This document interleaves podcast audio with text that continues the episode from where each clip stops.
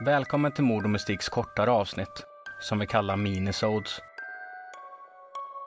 Dessa avsnitt kommer vara fristående från den vanliga säsongen och presentera fall vi stött på under vår research, men inte haft tillräckligt med material för att utgöra ett avsnitt i vår vanliga säsong. Om du gillar podden, rate oss gärna med en femma i din podcastspelare. Eller ännu hellre, lämna en recension och tipsa någon om podden. Om du vill rekommendera fall eller komma i kontakt med oss finns vi på Instagram där vi heter Mord och Mystik.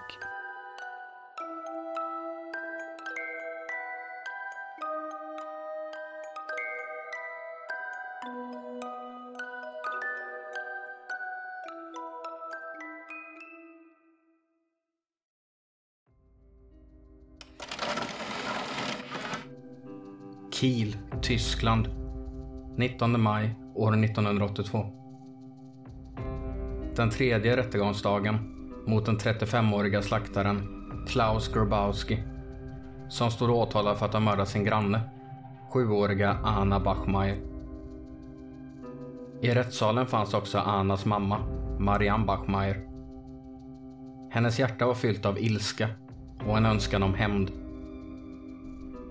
Hon orkade inte behöva kolla på hennes barns mördare och hon orkade inte lyssna på hans lögner om sin älskade dotter. I en mammas sista gärning skulle hon uttrycka all den smärta hon kände. Hon drog fram en pistol och avlossade åtta skott mot Klaus. Av de åtta skotten träffade sex och den anklagade dog direkt på platsen. Innan dess att han befanns skyldig. Från detta ögonblick skapade Marianne Bachmeiers dåd rubriker i alla tidningar i hela Tyskland. Och hon kom snart att tilldelas smeknamnet Hämndens moder. Och fallet kom att bli känt som ett av de mest spektakulära fallen i tysk efterkrigshistoria.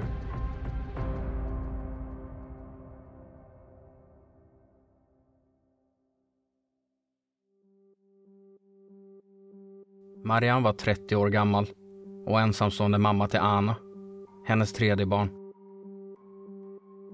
Hennes två tidigare barn hade hon gett upp för adoption. Mammans liv var inte lätt. Hon jobbade på en krog för att kunna förse dottern Anna med allt hon behövde. Men trots det var det en jobbig tillvaro för dem båda. Den 6 januari 1981 var den sista dagen Marianne såg sin dotter vid liv. Anna hade blivit upprörd efter att ha bråkat med sin mamma och hon lämnade hemmet för att åka till en kompis.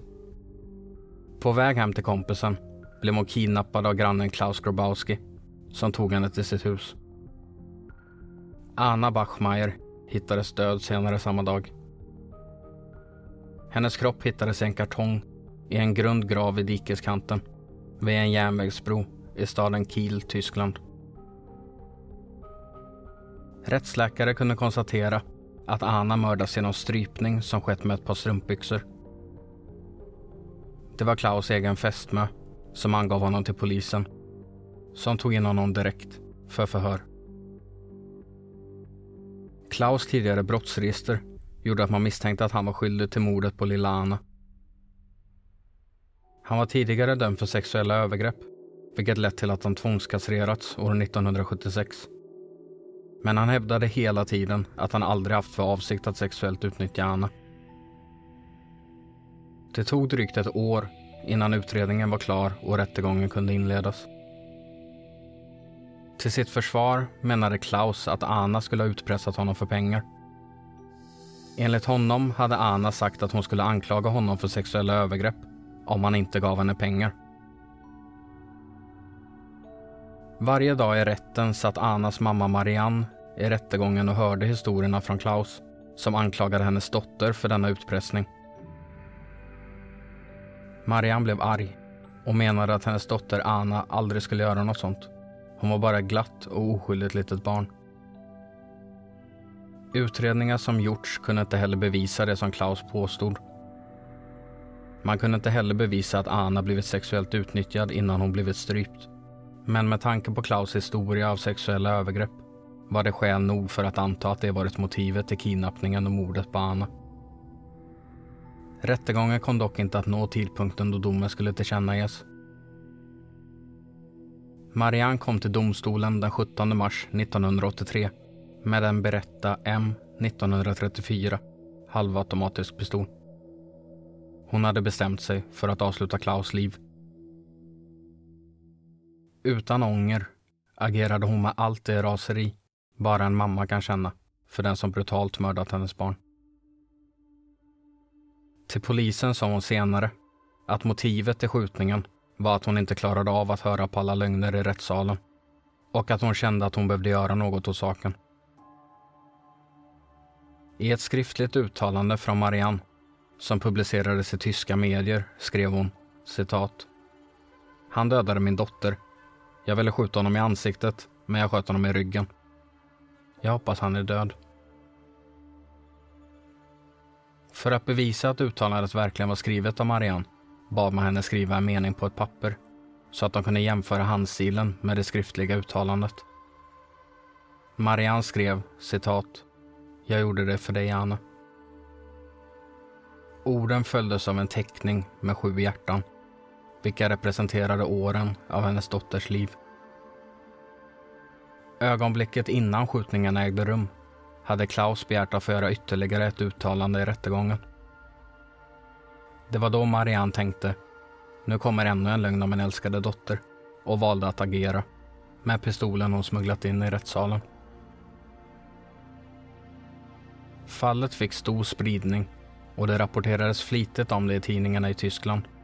Framförallt i en tidning vid namn Stern. Marianne valde att sälja rättigheterna till sin version av händelsen till denna tidning i ett försök att samla in pengar för att täcka sina rättegångskostnader. I slutet av hennes rättegång dömdes hon till sex års fängelse för mordet på sin dotters mördare. Den tyska befolkningen var splittrad kring domen.